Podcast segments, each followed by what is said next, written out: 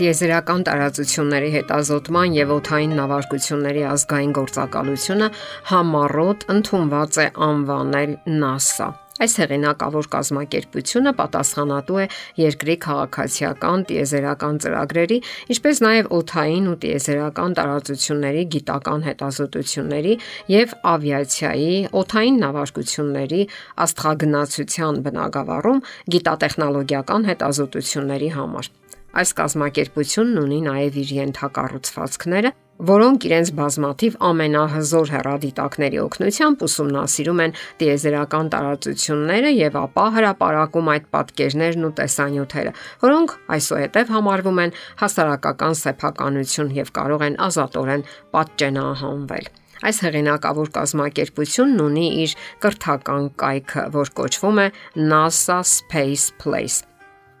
Այստեղ parberabar հանրամատչելի նյութեր են հրապարակվում եւ գիտական པարս པարզաբանումներ արվում գիտական վերջին նորությունների վերաբերյալ։ Եվ ահա վերջերս այստեղ հրապարակված հոդվածներից մեկը բուրըն արձագանք գտավ կանացի ամսագրերում։ Ինչն էր պատճառը։ Պարզապես գիտնականները ընդհանրապես հիշեցրել էին, որ համաստեղության դիրքը արևի ուղեծրի նկատմամբ անընդհատ փոխվում է որոշակի գործընթացների արդյունքում։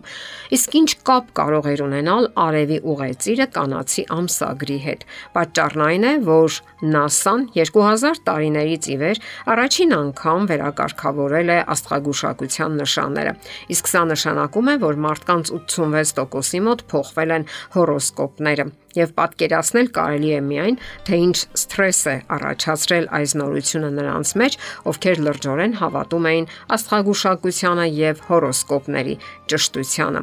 Եթե հորոսկոպի նշանը փոխվել է, ապա այդ խեղճ մարդիկ պետք է հարկադրված լինեն վերանայել եւ միգուցե փոխել իրենց ողջ կյանքի ընթացքը։ Հնարավոր է նաեւ ստիպված լինեն փոխելու իրենց ամուսիններին։ Իսկապես ցնցող նորություն նրանց համար, ովքեր հավատում էին մի ուղղության, որը հավակնություն ունի տնորենելու մարդկային ճակատագրերին եւ հավակնում է լինելու գիտական ուղղություն։ Շատ մարդիկ են հուսահատության մեջ հայացքները հառել աստղագուշակությանը եւ կարգավորում են իրենց կյանքը ըստ դրա։ Եվ ահա NASA Space Place-ը պարզապես բացատրում է, որ աստղագուշակությունը եւ աստղագիտությունը միանգամայն տարբեր երևույթներ են։ Աստղագուշակությունը ոչ մի դեպքում չի կարող գիտություն համարվել։ Ոչ մեկը չի ապացուցել, որ աստղագուշակության օգնությամբ կարելի է կանխագուշակել ապագան կամ բնորոշել մարդու բնավորությունը միայն նրա ծննդյան թվականի հիման վրա։ Դա միանգամայն անհեթեթ ենթադրություն է։ Ըստ էության մարդկանց մեծ մասը հասկանում է դա։ Հասկանում են նույնիսկ նրանք, ովքեր սիրում են ամեն օր կարդալ այդ հեքիաթային պատմությունները իրենց կյանքի վերաբերյալ։ Սակայն կան նաև այնպիսիք, ովքեր իրենց կյանքի բարդ իրավիճակներում ամենայն լրջությամբ որոշումներ են ընդունում, ելնելով աստղագուշակության կանխագուշակություններից կամ կանխատեսումներից։ Այդ որոշումները նրանք ընդունում են ելնելով երկնքում աստղերի գրաված դիրքերից։ Օրինակ, համեմատում են տարբեր մարդկանց աստղակերպերի նշանները, որpիսի որոշեն իրենց համատեղելիությունը։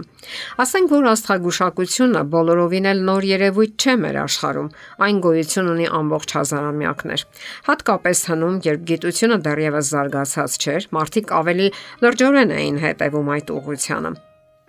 Չմոռանանք նաև, որ գիտական հավակնություններ ունեցող այս ուղղությունը լիակատար հակադրության մեջ է Աստվածաշնչյան հոգևոր գիտության հետ։ Մինչ Աստվածաշունչը իդեմս իր ներշնչողի Աստծո վերափոխում է մարդու բնավորությունը եւ ապագայի հույս տալիս, աստղագուշակությունն ընդհակառակը ասում է, որ դուք երբեք չեք կարող փոխել ձեր բնավորությունը։ Այսինքն, դուք այլևս չեք կարող փոխվել, միշտ մնալու եք նույնը, ինչ կաք։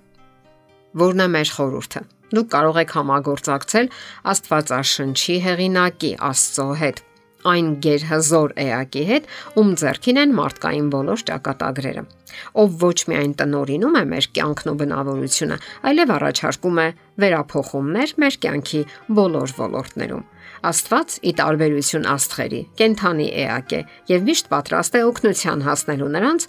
ովքեր զգում են իրենց անզորությունը եւ Աստծո ամենակարողությունը։